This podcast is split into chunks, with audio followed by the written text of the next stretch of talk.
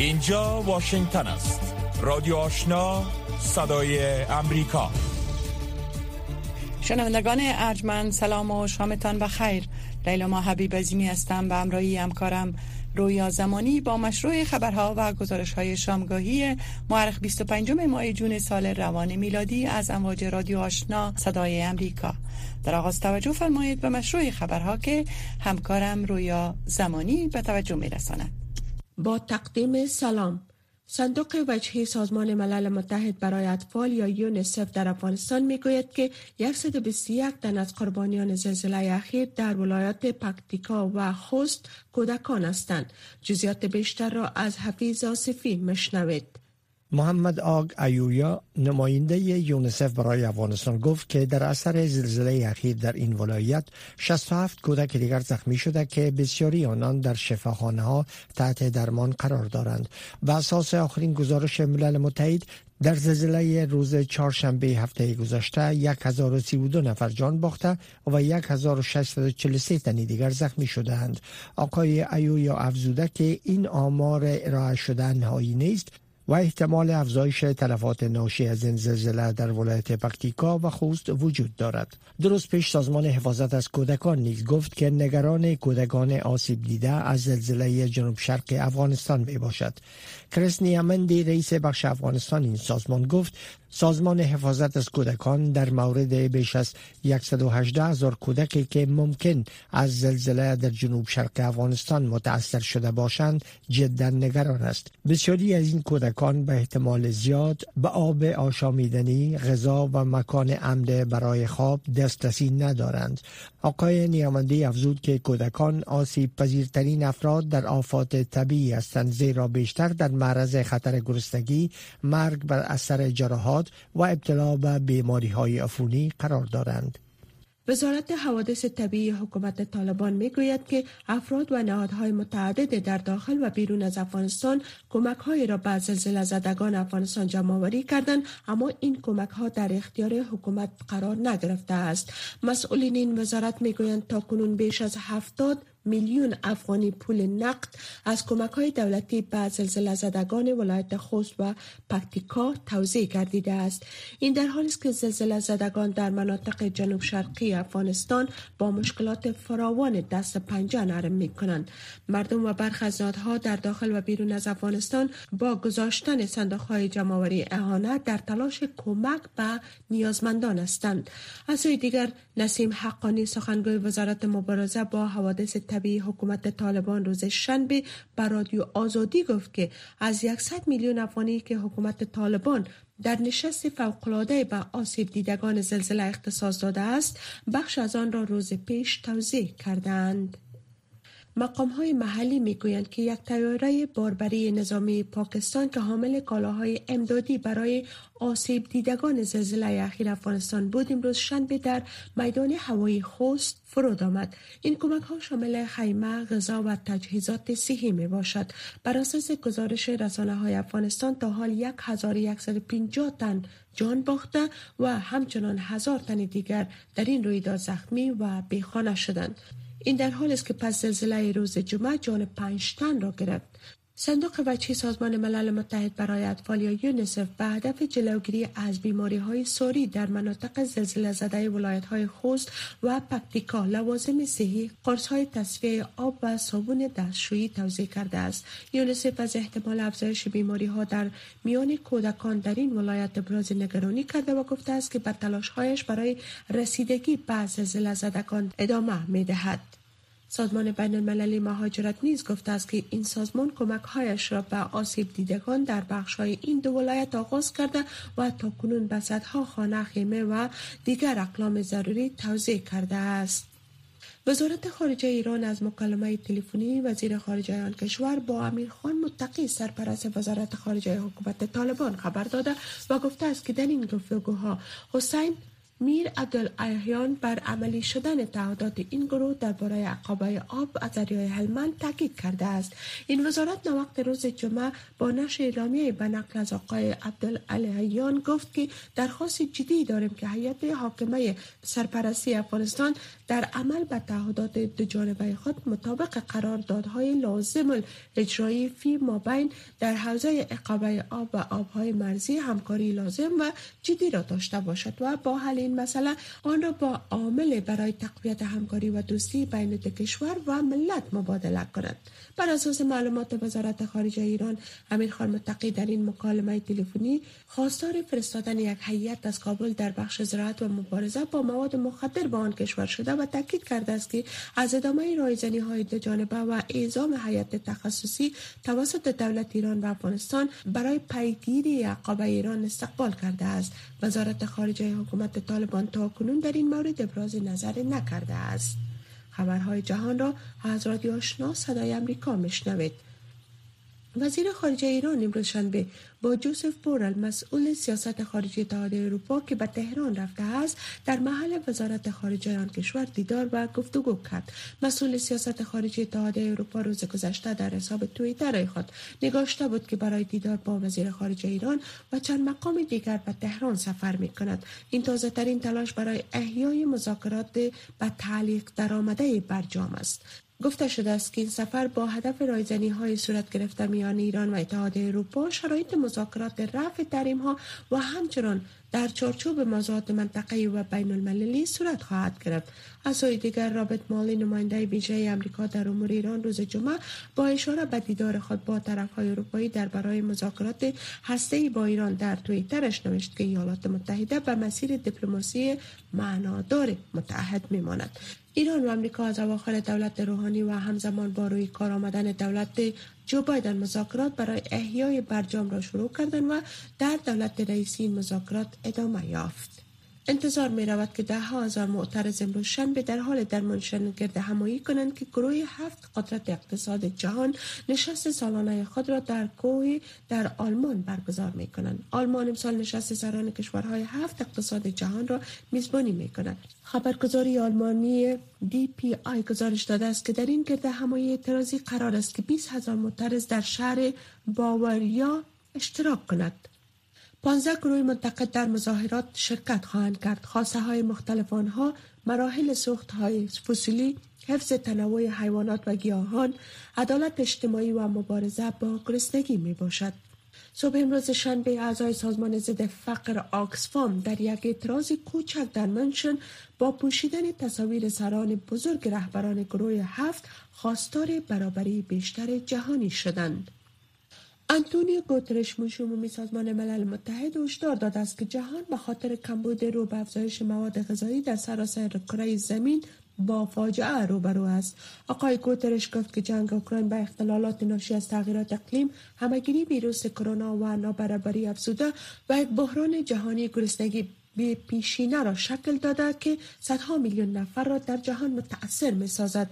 منشی عمومی سازمان ملل متحد خاطر نشان کرد که غلط از سر تا سر آسیا، آفریقا و امریکا آسیب خواهد دید به خاطری که به گفته آقای گوترش دهقانان در سر تا سر جهان با افزایش قیمت کود کیمیایی و انرژی مواجه هستند. روندی که هیچ کشوری از پیامدهای اجتماعی و اقتصادی این فاجعه مسئول نخواهد ماند. او خواهان کاهش قرضه بر کشورهای فقیر جهان شد تا اقتصاد آنان در چرخش نگه داشته شود پلیس نروژ می‌گوید که آنان در حال بررسی گلوله‌باری شب گذشته در اسلو می باشند که در نتیجه آن دو تن کشته و بیش از ده ها تن دیگر زخم برداشتند. مقام های پلیس امروز شنبه در یک کنفرانس خبری گفتند که مردی که پس از گلوله‌باری بازداشت شده است یا شهروند نروژی ایرانی تبار است که قبلا به خاطر اقدامات غیر قانونی کوچک برای پلیس محل آشنا بود.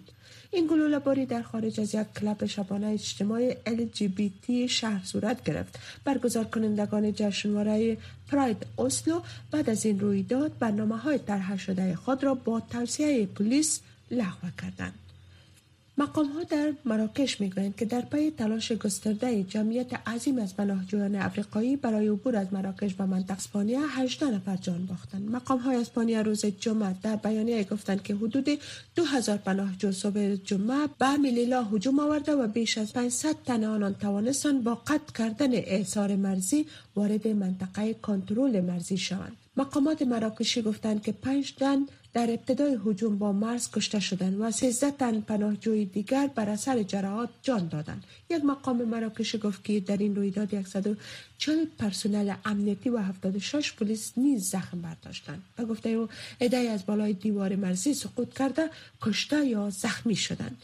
از زمانی که اسپانیا و مراکش در ماه گذشته روابط دیپلماتیک خود را بهبود بخشیدن این نخستین هجوم پناهجویان بوده است. مقام های محلی اسپانیا گفته است که در این رویداد 49 افسر پلیس اسپانیا به گونه سطحی زخم برداشتند.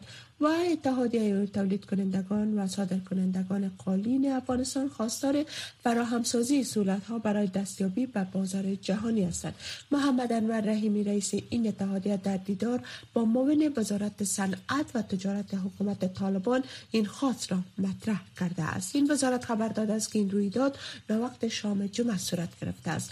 این وزارت در خبری که در صفحه فیسبوکش نشر کرده است افزون بر این این بازرگانان و صنعتکاران بر فراهمسازی سهولت های دیگر مورد نیاز نیست تاکید کردند. وزارت صنعت و تجارت حکومت طالبان نوشته است که صادرات قالین در مقایسه با سالهای گذشته 24 درصد افزایش یافته است. پس از حاکمیت طالبان در افغانستان سرمایه گذاران صنعت قالین نبود بازارهای جهانی برای تولیداتشان را از مشکلات جدی عنوان می کنند شنونده های محترم این بود مشروع خبرها تا این لحظه از امواج رادیو آشنا صدای امریکا. روک و راست. صحبت های داغ صاحب نظران در مورد خبرها و مسائل روز هر شام از ساعت 8 تا 9 شب در برنامه مشترک دری و پشتوی رادیو آشنا صدای امریکا. بخش زنده این برنامه را در نشرات ماهواره صدای امریکا نیز دنبال کرده می توانید.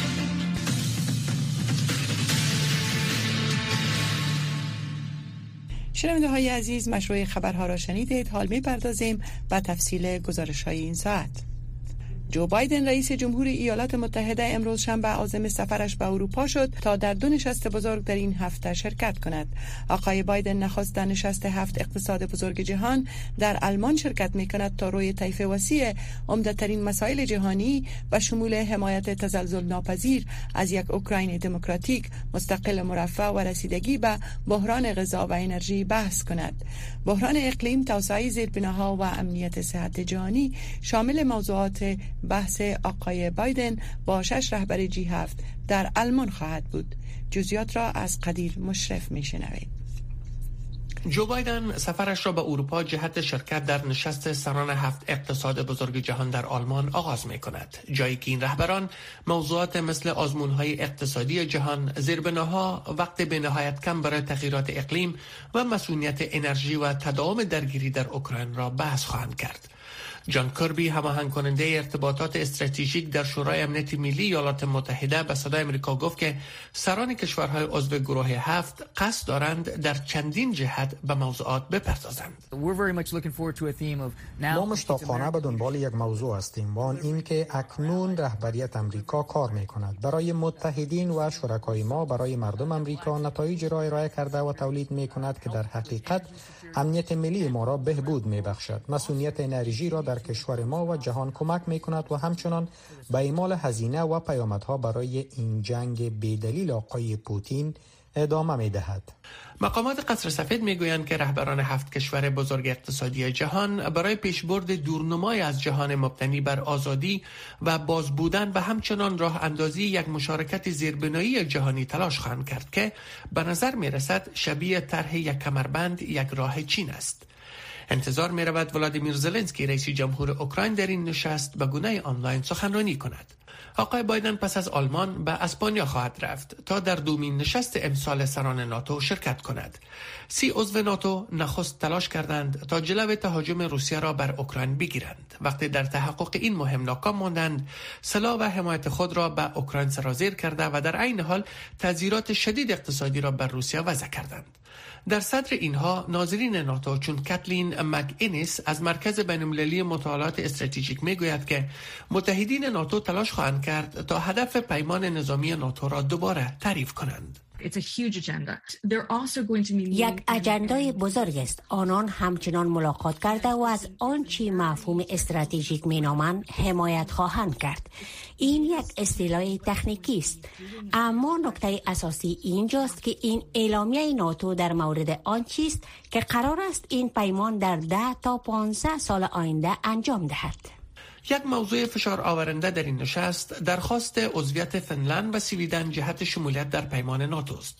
این کشورها با مخالفت ترکیه عضو این پیمان مواجهاند که با این کشورها مخالفت کرده و ادعا می کند که از یک تحریک تندرو کردها حمایت می کنند انقره می خواهد که این دو کشور قوانین ضد دهشت افغانی خود را بهبود بخشیده ممنوعیت فروش سلاح به ترکیه را پایان بخشند و افراد مشخص من جمله چندین خبرنگار کردی را به ترکیه مسترد کنند. افرادی که انقره ادعا می کند بخشی از تحریک افرادگرایانند. فکر می کنم که یک اشتباه است. اگر سازش با رئیس جمهور اردوغان رد شود می توانستم پنج دقیقه را صرف نشان دادن مسائل کنم که در آن نقش داشتم. فکر می کنم این هم یک اشتباه خواهد بود. اگر رد کنیم که اردوغان در آخرین دقیقه اعتماد را مختل ساخته و همه چیز را به بحران بکشاند. می توانم پنج دقیقه را برای فهرستوار ساختن اینها هم صرف کنم. بنابراین هیئت منصفه دیگر وجود ندارد. این ماه تنها نشست رهبران کشورهای قدرتمند جهان برگزار نمی شود رهبران سازمان برکس یا برزیل روسیه هند چین و آفریقای جنوبی نیز در این هفته به گونه مجازی با هم ملاقات خواهند کرد. در آن نشست رئیس جمهور چین منتقد اهداف ایالات متحده در اوکراین و جهان خواهد بود. این نشست ها همچنان سوالات عمیقتری را مطرح می کنند وان این که نزدیک به هشت دهه پس از ختم جنگ جهانی دوم اکنون کدام کشورها جهان را در کنترل خود بایست داشته باشند و بچرخانند.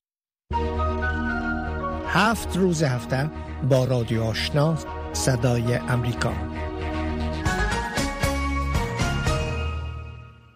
در ادامه گزارش های این ساعت حوادث و آفات طبیعی بر علاوه خسارات جانی و مالی آنی سبب ایجاد خطرهای بیشتر پس از رویداد نیز می شود یکی از موارد معمول شیوع بیماری ها و خصوصا شیوع انواع مختلف بیماری های ساری است که مناطق آسیب دیده را تهدید می کند همکار ما سهر عظیمی در مورد شیوع این بیماری ها با دکتر محمد حقمل متخصص امور صحی مصاحبه انجام داده است که با همبان گوش می دهیم. در وهله اول در مورد دلیل شیوع بیماری ها بگوین. مثلا زمین لرزه چه ارتباطی با ظهور بیماری ها در یک منطقه داره اگر پروسه پاسخگویی جنسی و طور منتظم تنظیم نشود در این صورت خطر زیاد عزیز که سبب شیوع امراض شود. خصوصا باب یا شنیدنی زیاد میشه. اشتباه و رفتار تخریب میشه. و این سبب از میشه که مواد فاضله غیر منظم رفته شود و بعد از او سرایت کنند مراکز آب و شنیدنی و وقتی آب شنیدنی خراب میشه در اون صورت شما می‌بینید که شوی امراض زیاد میشه. از این خاطر ضرورت پلان هست که منظم یک ارزیابی شود ارزیابی عاجل که چطور حیات انسان را و ما ارزیابی متوسطه داریم یا میان مدت داریم که چطور ما از شوی امراض جلوگیری کنیم؟ شوی امراض وقتی جلوگیری میشه ما حیواناتی که زیاد در جریان ایمرجنسی از بین میره و هم سبب روی امراض میشه. یا اگر به طور منظم تنظیم نشود روی امراض ما از چندین بود می‌تونیم که متاسفانه شد شاید از باشه. آقای حقملی این بیماری ها شامل کدام موارد میشه و کدامش از همه نسبت به بقیه خطرناکتر است؟ اصلا امراض ساری همه ایشان خطرناکتر متاسفانه در افغانستان ما پولیو هم داریم و در پکتیکا قبلا واقعیات پولیو هم دیده شده بود. حتی سبب انتقال امراض پولیو میشه. از خاطر از واکسین زیاد نشده. چندین ساله که در پکتیکا جنگ و جنگالا زیاد بوده. بله. پروسه واکسین برای چند سال مختل شده. و متاسفانه ویروس پولیو به شکل آزاد در فضا هست. اونجا وقتی که بازم واقعات ایمرجنسی می زمینه حال ویروس پولیو مسائل بله، میشه بله. غیر ما کولرا را داریم. ما زیاد امراض دیگه ساری را داریم. حتی تبرکلوز زیاد میشه.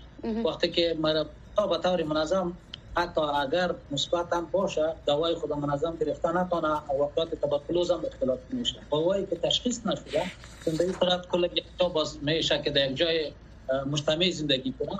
بله. در یک چند وقت جریان ایمرجنسی است این هم سبب سرایت امراضی که در یک طبقه از هموطنان ما باشه برای اونهایی که صحتمند است برای از اون انتقال میشه. جناب حکمل به نظر شما چه توصیه های شما به مردم ولایت پکتیکا خصوص و ننگرهار پس از وقوع زلزله که چند روز پیش رخ داد دارین در حال حاضر؟ با توجه به مواردی که شما اشاره کردین.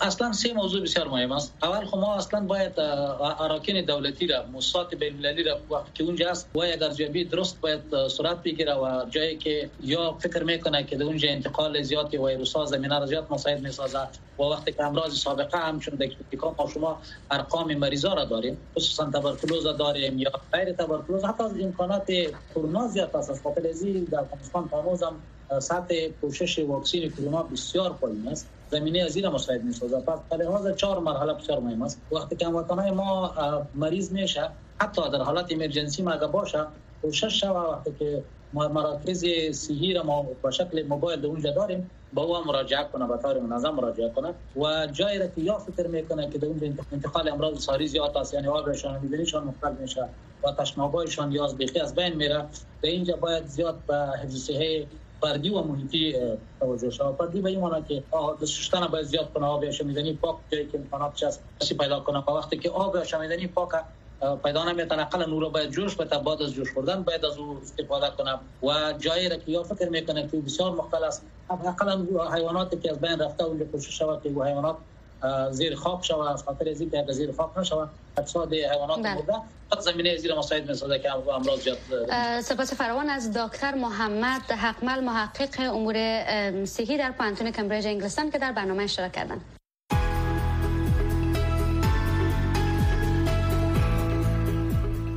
صدای شما. صدا و نظریات شما در مورد مسائل سیاسی اقتصادی فرهنگی اجتماعی و صحی از ساعت ده تا دو شب در برنامه مشترک دری و پشتوی رادیو آشنا صدای امریکا. در آخرین گزارش این ساعت و ادامه کمک های مالی برای آسیب دیدگان زلزله اخیر در افغانستان که از سوی کشورهای هند، ایران، پاکستان و امارات متحده عربی صورت گرفت. اتحادیه اروپا اعلام کرد که مبلغ یک میلیون یورو برای آسیب دیدگان زلزله کمک های نقدی مراقبت های اولیه صحی کمک های حفظ صحه آب آشامیدنی و سرپناه و سایر خدمات دیگر را فراهم می کند غرض بحث در مورد کمک های کشورهای همسایه و نحوه رسیدگی به آسیب دیدگان زلزله اخیر مصاحبه داشتم با طارق فرهادی تحلیلگر مسائل سیاسی که به توجه می رسانم. وجودی که افغانستان یکی از کشورهایی است که احتمال وقوع انواع حوادث طبیعی در زیاد است اما چرا دولت ها در گذشته در حالی که در ساختار حکومتشان وزارت دولت در امور رسیدگی به حوادث فعال بوده و حتی خود مردم افغانستان هیچ گونه آمادگی برای مقابله با حوادث طبیعی نداشتند با سلام و, و اظهار تاسف از این واقعی که در کشور ما شده زلزله. بله افغانستان در یک زون زلزله قرار داره و منابع در افغانستان فعلا کم است. در سابق بعضی منابع بوده از طرف جامعه بینالمللی که وزارت بوده اما آل منابع نیست و تمام کمک میمانه به گردن همسایگان یا ایست که کشورهای بینالمللی. کمک ها به سی قسمت تقسیم میشن. یک همسایگان که بسیار به زودی تیارایشون رسید ایرانی سه تیاره روان کردن هند روان کرد پاکستان 19 دکتر روان کرده و به سرحد باز کرده و ترکیه. و قطر. و دوم جامعه بینالمللی که جامعه بینالمللی هنوز چندان کمک نکرده. یک میلیون یورو برای اروپا بسیار کم است سمبولیک است. در حقیقت اینا می‌خواین ببینن که در اونجا چقدر تلفات آمده و چی ضروریات است. تیم های ملل متحد اروپا خواهش کردن که برن. یونسکو رفته با لوازم در اونجا و اونا باید است که یک بازبینی کنن که چی نوع کمک ها ضرورت است اما برای بازسازی خانه های مردم هیچ نوع کمک وجود نداره متاسفانه. در هیچ زلزله و حتی در کشورهای متمول وقتی که تر زلزله ها میشه مسئولیت بازسازی خانه ها و قریه ها و اینا میمونه به گردن خود مردم محل. رهبر طالبان از نهادهای کمک رسانی بین المللی خواسته است که در این موقع مصیبت بزرگ در کنار افغان ها بیستد. حال به نظر شما خواست رهبر طالبان از کشورهای جهان و نهادهای بین المللی برای کمک رسانی تا چه اندازه می‌تونه برای همکاری کشورهای منطقه و جهان موثر باشه؟ آیا تقاضا یا درخواست دولت بحران زده و نیازمند حکم اخلاقی و حقوقی ارائه کمک تغییر میته یا خیر؟ اینکه طالبانی درخواست بکنن یا نکنن به خاطر دلایل بشر دوستانه همسایا بسیار در 36 ساعت اول کمک های خود به تیاره فرستادن عموما به خوست چون در روی یک میدان هوایی است و بعد از او کمک های عمده به دست دونرها هست دونرهای غربی درست. اونها در افغانستان هستن و یک زلزله تقریبا اینجا دو هزار خانواده ضررمند شده اما در افغانستان یک میکانیزم کمک برای 19 میلیون نفره که به غذا ضرورت داره وجود داره. فعلا از طرف ملل متحد یعنی که ملل متحد در اونجا هست. اما خود ملل متحد هم بسیار نگفته که ما کمک فوق العاده می‌کنیم. اول اینا می‌خواین که ارزیابی کنن. و همی که قسمی که به شما ارز که اروپا تنها یک میلیون دلار و امریکا کلام مبلغ را اعلام نکرده اینا می‌خواین برای ارزیابی کنن. و ارزیابی از اینا هم اوچه یک کاغذ کشیده بود دیروز در ژنو باید است که زنان در تیم های ما اجازه داده شوند که برن و ببینن که زنان در فامیل ها چی صدمه ها دیدن اطفال اینا.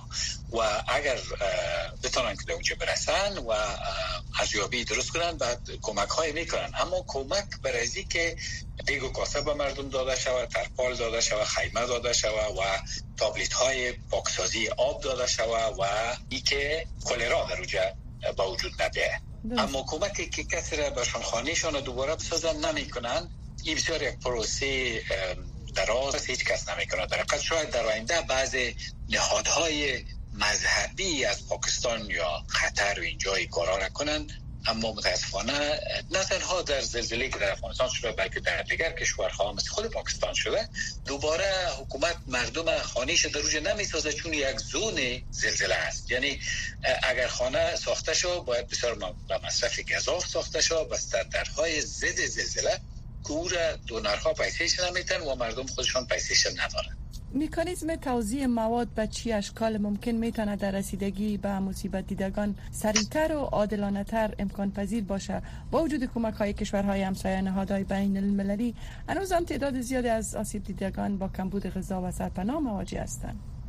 ولی چون منابع نیست و دیروز در واشنگتن پست سوزانا جورج ژورنالیست واشنگتن پست که در اونجا رفته نقل قول کرده از مردم محل بله. که اینجا هلیکوپترها رسید طالبان آمدن عکس گرفتن و یک نطق کردن بله. اما برای ما چیزی ندادن در حقیقت بیشتر از چیزهای کم و تو سمبولیک طالبان چیزی ندارن که بتن بله سرمیاشت افغانی کمک های در اونجا روان کرده و اما به هر صورت انتظارات بالاست و ضروریت بالاست و طالبان منابع ندارن در حقیقت اما از این خواستن که یک استفاده رسانه‌ای کنن که مسئولینشان در هلیکوپتر بالا شدن و اونجا رفتن و اما با مردم چیزی نبردن و مقاله واشنگتن پست سوزانا جورج که مطالعه کنین می‌بینین که مردم در اینقدر نامید هستن. رادیو آشنا صدای امریکا پنج تا هفت صبح و هفت شام تا ده شب. تازه ترین خبرها و گزارش ها شنونده های عزیز برنامه خبری دری در شامگاه 25 ماه جون سال 2022 میلادی از امواج رادیو آشنا صدای امریکا. در همین جا خاتمه مییابد. فراموش نکنید که نشرات ما ادامه دارد. تا برنامه بعدی شام خوشی داشته باشید.